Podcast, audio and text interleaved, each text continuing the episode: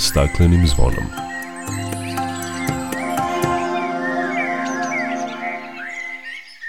Dobar dan. Redovni slušaoci prvog programa Radio Novog Sada navikli su već da je termin od 9.05 do 10 časova svake nedelje rezervisan za teme iz oblasti zaštite životne sredine. Podsećamo da nas možete pratiti i putem interneta na adresi rtv.rs, gde emisiju pod staklenim zvonom, ali i sve ono što nudi pokrajinski medijski servis, možete poslušati i odloženo. U današnjoj emisiji podsjećamo vas na konkurs koji je raspisalo Ministarstvo za zaštitu životne sredine. Govorimo o dva značajna događaja u našoj zemlji koje su održana ove nedelje, a u direktnoj su vezi sa uvođenjem obnovljivih izvora energije u Srbiji. Biće reči i o projektima koji prethode izgradnji prečistača otpadnih voda u Boljevcu i Rumenki. Ekolozi iz Vrbasa skrenuće nam pažnju na potrebu očuvanja zelene oaze u tom gradu – upoznaćemo vas i sa nekoliko ekoloških akcija u Zrenjaninu.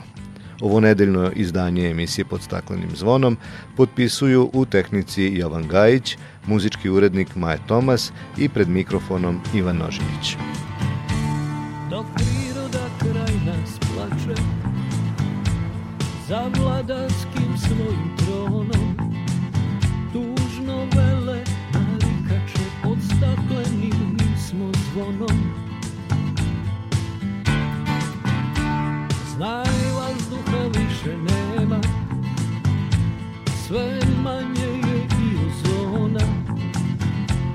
Protiv sebe ide čovek I to često Bez pardona. Uništenju živog sveta Kao da su ljudi skloni Čovek sam je sebi meta njega ovo zvono zvoni Uništenju živog sveta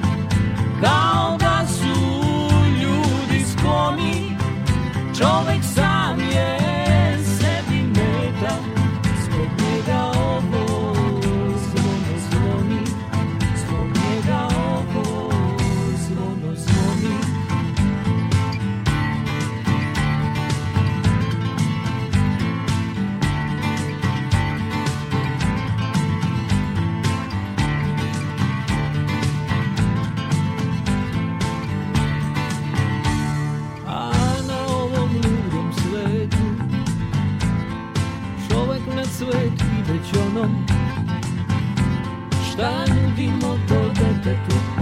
obleli kad smo zvonom. Uništenju živog sveta Kao da su ljudi skloni.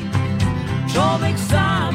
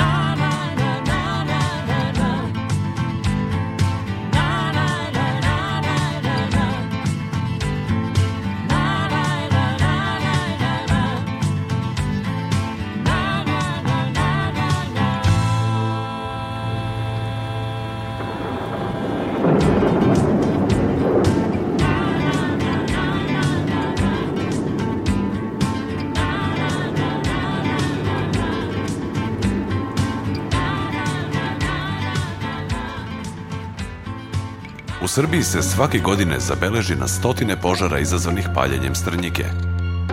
Samo u 2018. godini paljen je poljoprivredni otpad na površini većoj od 500 hektara. Paljenje strnjike nanosi veliku štetu i ugrožava živote, zbog čega je zakonom strogo zabranjeno.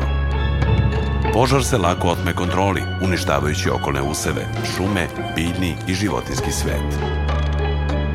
Mnoge vrste koje stradaju, poput divljači i redkih ptica, su i zakonom zaštićene. Ispuštanjem velike količine ugljen dioksida koje je posledica požara povećavaš efekat gasova staklene bašte. Time utičeš na nepovoljnije klimatske uslove i povećavanje snage i učestalosti poplava i suša.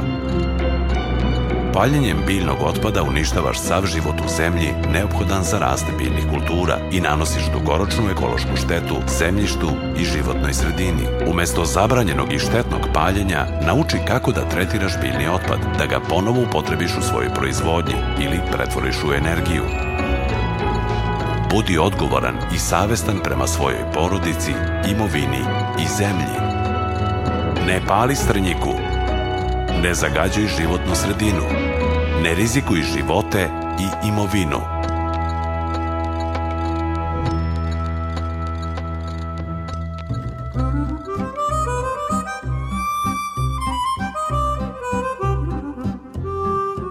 U cilju unapređenja kvaliteta vazduha, Ministarstvo zaštite životne sredine raspisalo je još jedan javni poziv za lokalne samouprave za sufinansiranje projekata nabavke, zamene, rekonstrukcije i sanacije kotlarnica za grejanje u ovoj godini. Ovo je drugi javni poziv u ovoj godini, raspisan kako bi se gradovima i opštinama stavila na raspolaganje dodatna sredstva za projekte zamene kotlova kojima se direktno utiče na bolji kvalitet vazduha. Unapređenje kvaliteta vazduha jedan je od glavnih prioriteta vlade Srbije i Ministarstva zaštite životne sredine, a podrška ovakvim projektima je značajna mera u borbi protiv aerozagađenja. Javne konkurse za zamenu kotlova u toplanama i javnim ustanovama ministarstvo raspisuje treću godinu za redom. Pored 220 miliona dinara koji su početkom godine uloženi u sufinansiranje zamene kotlova širom zemlje, ovim javnim pozivom obezbeđeno je još 120 miliona. Zahtevi mogu da se podnesu do 28. septembra.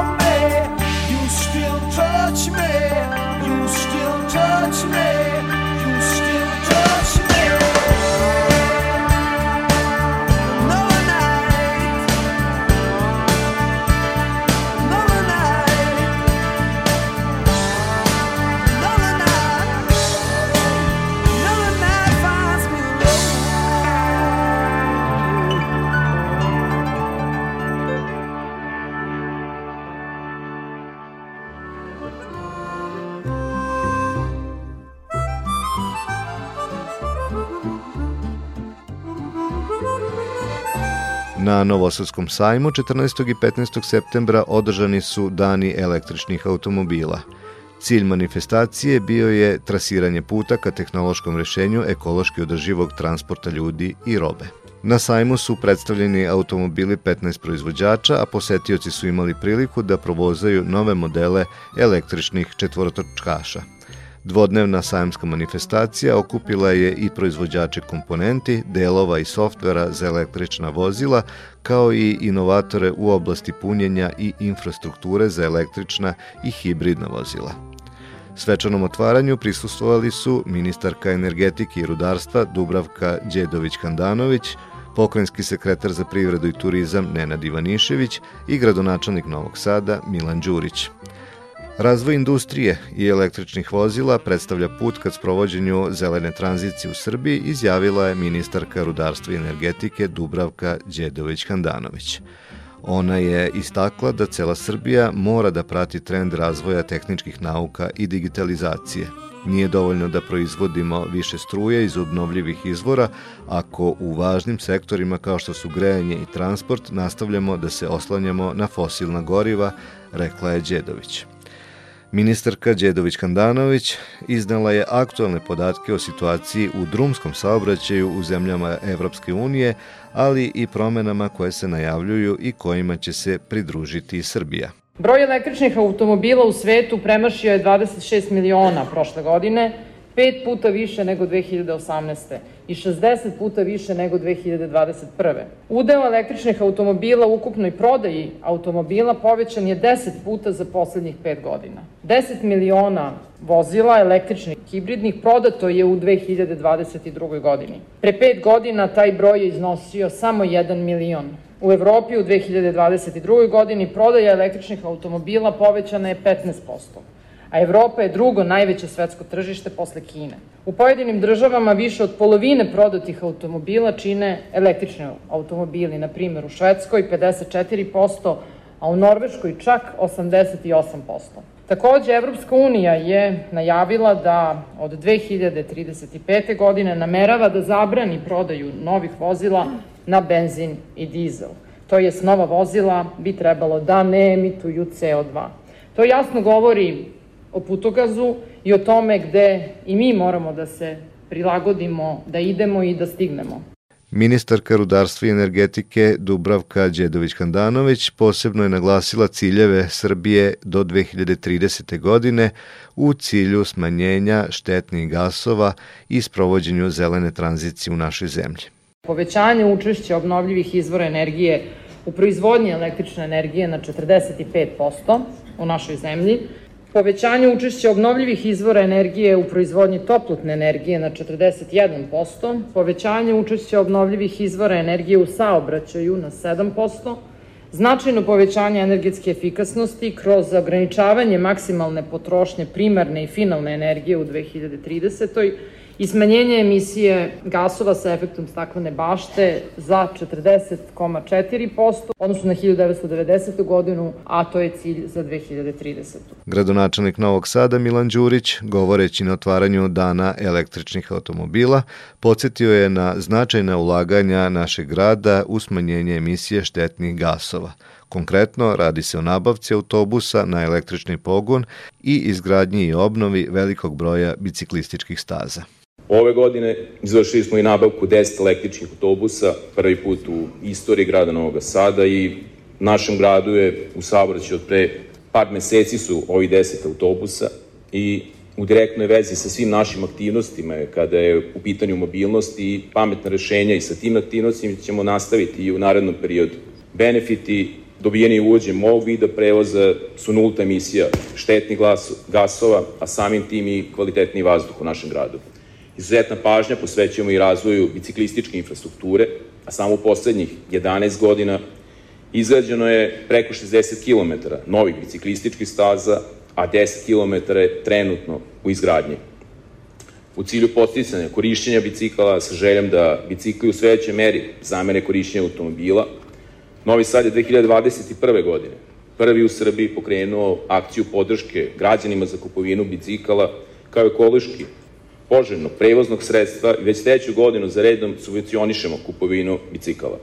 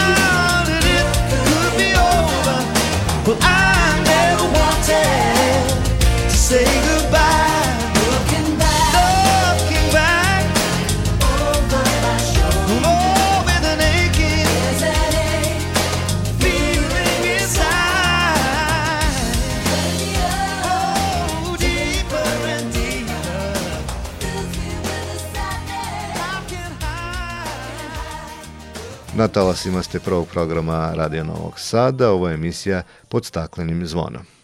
Na Zlatiboru je od 13. do 15. septembra održano 38. međunarodno savjetovanje Energetika 2023.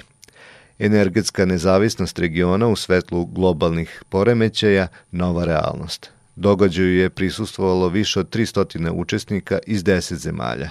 Održana su četiri panela i prezentovano oko 80 stručnih i naučnih radova. Centralna tema savjetovanja bila je energetska tranzicija. O značaju dekarbonizacije energetskih sistema u regionu u izjavi predsjednika Saveza energetičara Nikole Rajakovića. Svi smo prepoznali da, da dekarbonizacija mora krenuti, ali se nismo dogovorili o brzini dekarbonizacije. I to je taj trenutni izazov. To je, rekao bih, najvažnije pitanje u ovom momentu. Kojom brzinom region, a to znači i Srbija kao deo regiona, može da dekarbonizuje svoj energetski sektor. Naravno, to ne može preko noći.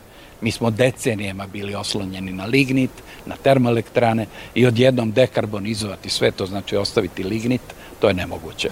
Iz tih razloga mora se pažljivo i stručno analizirati, kako mi to kažemo, optimalna trajektorija prelaska na dekarbonizovani elektroenergetski sistem. Savetovanju energetičara na Zlatiboru prisustvovao je i vršilac dužnosti generalnog direktora EPS-a Dušan Živković.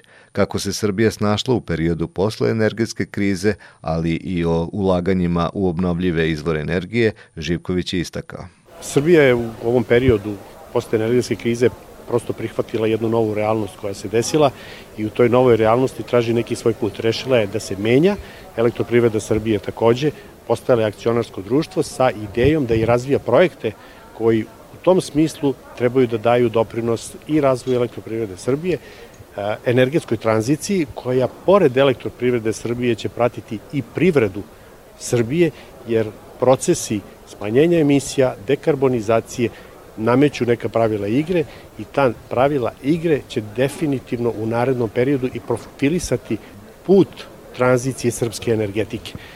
Obnovljivi izvori, vetroparkovi, solarne elektrane, regionalna saradnja sa elektroprivredom Crne Gore i elektroprivredom Republike Srpske na projektu Komarnice, koju što smo već čuli, ali i projekat Gornje Drine, izgradnja hidroelektrana Bug, Bijela, Foča i Paunci sa elektroprivredom Republike Srpske, tako da pored ovog razvoja srpske energetike u okviru Srbije jedan iskorak prema elektroprivredama u regionu i u tom smislu nastavak razvoja. Jovica Vlatković, izvršni direktor za investicije i razvoj elektroprivrede Republike Srpske, naveo je da su se oni dobro snašli u vremenu tranzicije, opredeljujući se da grade nove objekte koji će da proizvode zelenu energiju.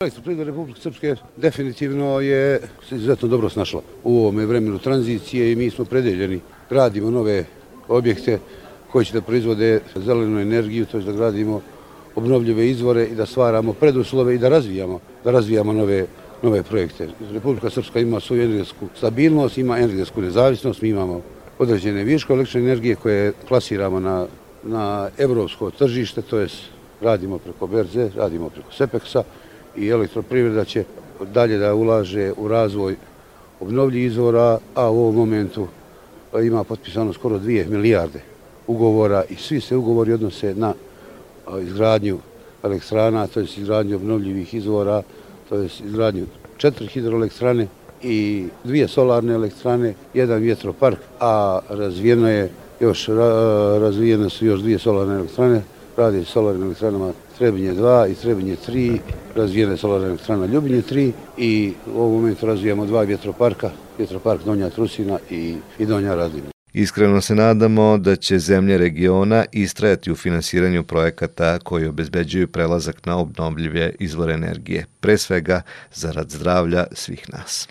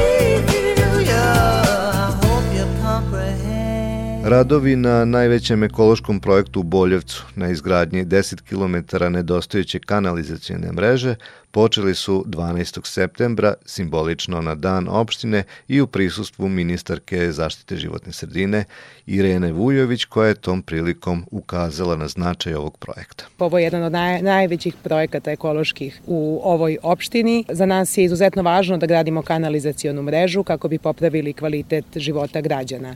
Dakle, 10 km kanalizacije koja će e, učiniti to da nakon ovoga bude pokrivenost u opštini na nivou, odnosno da zadovoljava procenat evropskog standarda. Ova kanalizacijona mreža, dakle primarna i sekundarna, pored toga što je važna za bolji kvalitet e, svih građana ove opštine, ona je i važna zato što je preduslov za izgradnju postrojenja za preradu otpadnih voda. Nas početkom sledeće godine čeka takođe i e, rad na tom, odnosno radovi na postrojenju za preradu otpadnih voda ovde u Boljevcu. Ministarka Irena Vujović naglasila je da se u ovom momentu širom Srbije gradi 100 km nedostojeće kanalizacijne mreže.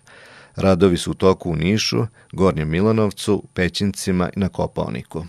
Uskoro će krenuti radovi na izgradnji postrojenja za preradu otpadnih voda.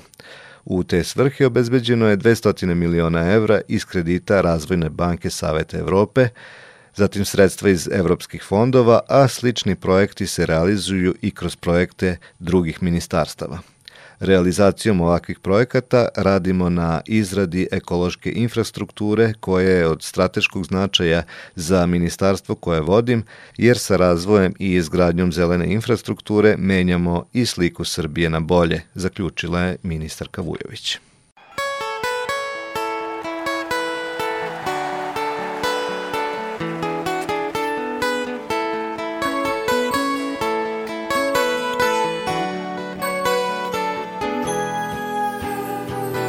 Here comes the sun. Here comes the sun. And I say, it's alright.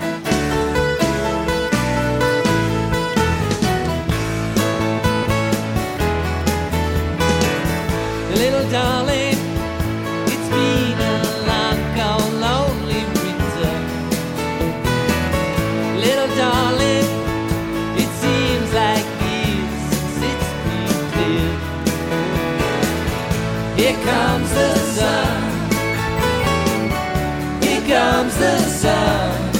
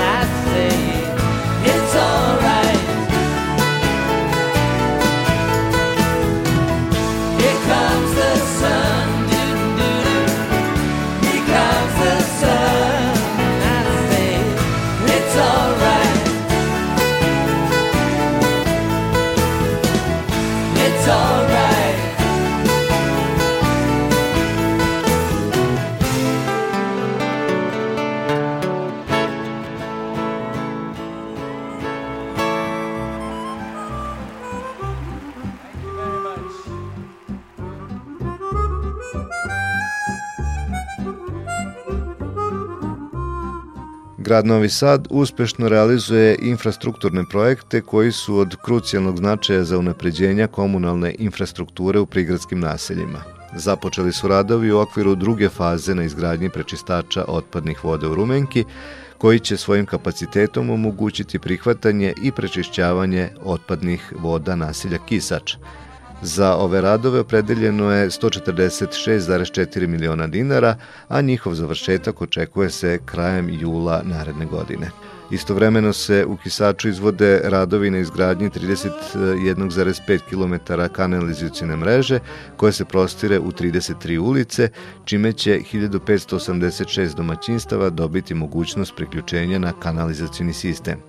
Predviđeno je da se otpadne vode iz Kisača od glavne crpne stanice u ulici Janka Gombara odvode trasom regionalnog puta R127 na deonici Kisač-Rumenka sa prelaskom preko kanala Dunav-Tisa-Dunav i dalje kroz Rumenku do kolektora u Kosovskoj ulici odakle se šalju do postrojenja za prečišćavanje. U tu svrhu u prethodnom periodu izvedeni su radovi na izgradnji poveznog cevovoda Kisač-Rumenka dugog 5800 metara. Prečišćavanje otpadnih voda podrazumeva kombinovanu primenu mehaničkog i biološkog postupka, čime su zadovoljeni ekološki uslovi zaštite zemljišta kao i površinskih i podzemnih voda.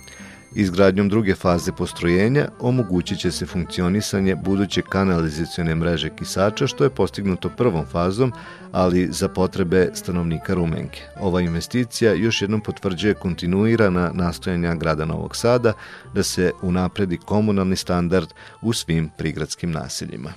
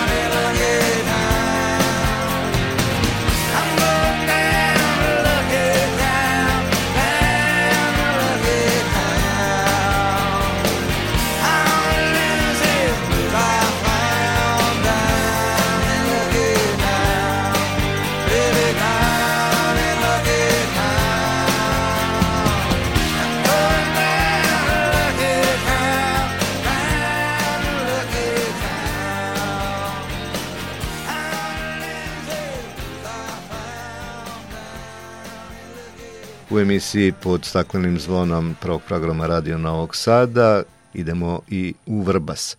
Najveća zelena parkovska površina u opštini Vrbas bilo je mesto održavanja takozvane lige trčanja koje ima za cilj da podstakne Vrbašane da se bave fizičkom aktivnošću i da se rekreiraju u prirodi. Iza ove sportske manifestacije su i aktivisti koji žele da skrenu pažnju na jednu od najlepših zelenih oaza grada o kojoj brine tek nekolicina pojedinaca. Iz Vrbasa se javlja naša dopisnica Aleksandra Dejanović. Kroz zelenu oazu Vrbasa, takozvani Lazin park, dug skoro kilometar i po, trčala se prva Vrbaška liga trčanja koja je okupila više od 100 takmičara. Trčalo se na 2 i 4 kilometra u ime zdravlja, prirode i druženja. Došla sam sa tetkom i trčim 4 kilometara. S nama je došla mama, ali je otišla da oboje patike. Prosto mi je zadovoljstvo kao, kao lokal patriot da, da podržim ovakvu neku aktivnost.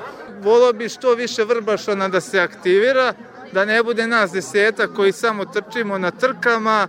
Mogu samo da pohvalim organizatora i celu organizaciju da je doneo neku dobru energiju u ovaj, u ovaj naš grad.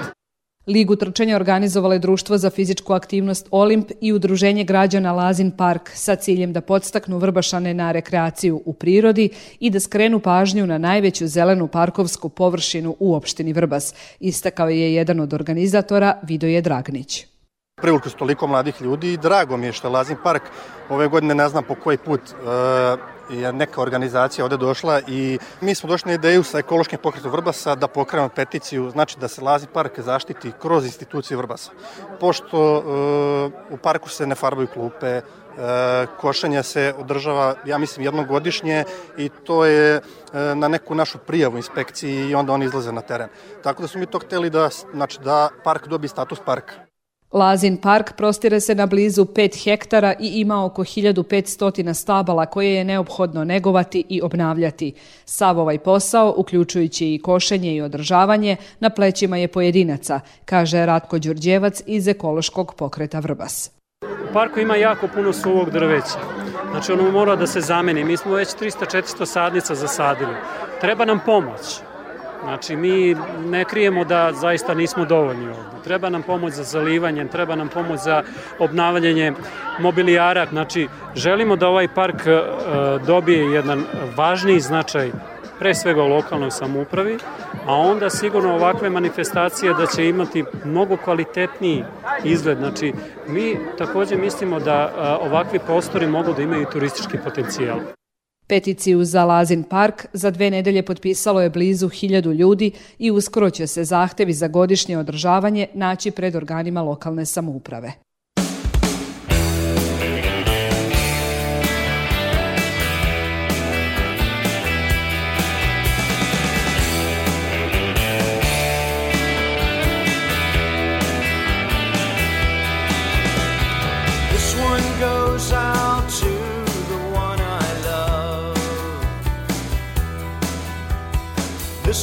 Goes out to the one I've left behind. A simple prop to occupy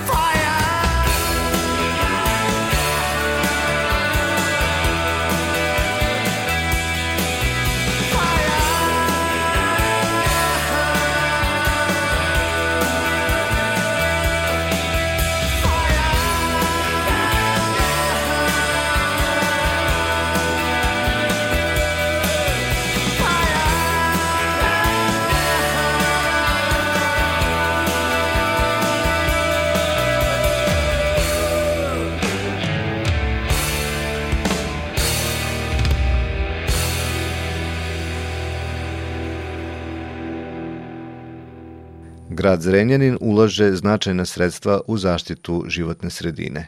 Više od 700 miliona dinara izdvojeno je iz gradskog budžeta za projekte poput uklanjanja divljih deponija, izgradnje prečistača otpadnih voda kao i rešavanja problema sa pijećom vodom. Opširnije o tome od Jelene Milićević u razgovoru sa šefom Oceka za zaštitu i unapređenje životne sredine grada Zrenjanina Jelenom Bugarski-Pučki. Što se tiče projekata, koji su to najveći projekti koji, su, koji se trenutno realizuju? Dakle, uz, uz podršku pokrajinskih i republičkih organa, društveno odgovornih kompanija i organizacija, u Zrenjaninu se realizuje veliki broj kapitalnih zelenih projekata. U junu ove godine započeta je realizacija projekta sanacije nesanitarne deponije na trasama cevovoda i retenzije u industrijskoj zoni Jugoistok 2. Na ovaj način se rešava veliko istorijsko zagađenje u Zrenjaninu i vrednost ove investicije je 600 miliona dinara za obe faze projekta i realizuje se uz podršku Ministarstva zaštite životne sredine. Takođe, uskoro će uslediti sanacija gradske deponije, to je projekat u okviru javno-privatnog partnerstva i vrednost ove investicije je 53 miliona eura. Intenzivno radimo i na uklanjanju divljih deponija na teritoriji grada, takođe uz podršku pokrajinskog sekretarijata za urbanizam i zaštitu životne sredine i Ministarstva zaštite životne sredine za ovu investiciju je izdvojeno u poslednje tri godine oko 190 miliona dinara. Ali ovo nije jedini, ovo nisu jedini projekti i jedina oblast na, u koju se sredstva ulažu. Šta je to još što građani mogu očekivati u narednom periodu? E, naravno, trenutno se realizuje i projekat izgradnje centralnog prečistača otpadnih voda. Na taj način se rešava veliki dosadašnji ekološki problem. Istovremeno rešava vrednost investicije projekta realizacije centralnog prečistača otpadnih voda je 30 miliona eura. Istovremeno rešava se i pitanje pijeće vode. Vrednost ove investicije je 18 miliona eura. Lokalna samouprava preduzima i niz aktivnosti u cilju zaštite, unapređivanja kvaliteta vazduha. Proširena je lokalna mreža mernih mesta za još četiri, pa se merenje kvaliteta vazduha vrši na ukupno 8 mernih mesta i vrednost ove usluge je oko 16 miliona dinara na godišnjem nivou. Hvala vam mnogo na ovom razgovoru. Čuli ste, mnogo toga se radi na polju zaštite životne sredine upravo u našem gradu. I za kraj emisije pod staklenim zvonom prilog iz Kikinde, naime u poljoprivrednom gazdinstvu Trumbetašev u tom gradu gradu Sova nalazi se neobični kućni ljubimac, najveća sova ušara na svetu koju zovu buba. Da bi ova orlovska sova imala idealne uslove za život, njeni vlasnici morali su da steknu određene sertifikate, dozvole i da izgrade mini farme sa životinjama kojim hrane svog novog kućnog ljubimca. Prilog je pripremio Branislav Ugrinov. Opšte je poznato da je Kikinda najveće urbano zimovalište malih sova ušara na svetu i upravo te životinje predstavljaju simbol najvećeg grada na severu Banata. Međutim, one nekima služe i kao inspiracija, pa je tako u porodičnom poljoprivrednom gazdinstvu Trumbetašev Kućni ljubimac, najveća sova na svetu, orlovska ptica, nazvana buba, teška oko 3 kg, stara 5 meseci, sa rasponom krila skoro 2 metra. Nju je predstavio Veselin Trumbetašev – U prvobitnom planu nije bila sova u pitanju, u pitanju je bio Harisonov jastreb. Ovaj, zato što sam ja stupio u kontakt sa nekim sokolarima i ušao u priču, da kažemo, prošle, cele godine sam obilazio po celoj Srbiji ovaj, da kažemo, te sokolare ovaj, što se tiče Srbije i ovaj, ukazala mi se prilika da, da, da vidim razne ptice, u ostalom tu je bila i sova, gde sam se ja u prvom momentu, na prvi pogled, tako reći, zaljubio u sovu, a i Kikinda grad sova, pa to bio jedan veći povod da nju uzmem.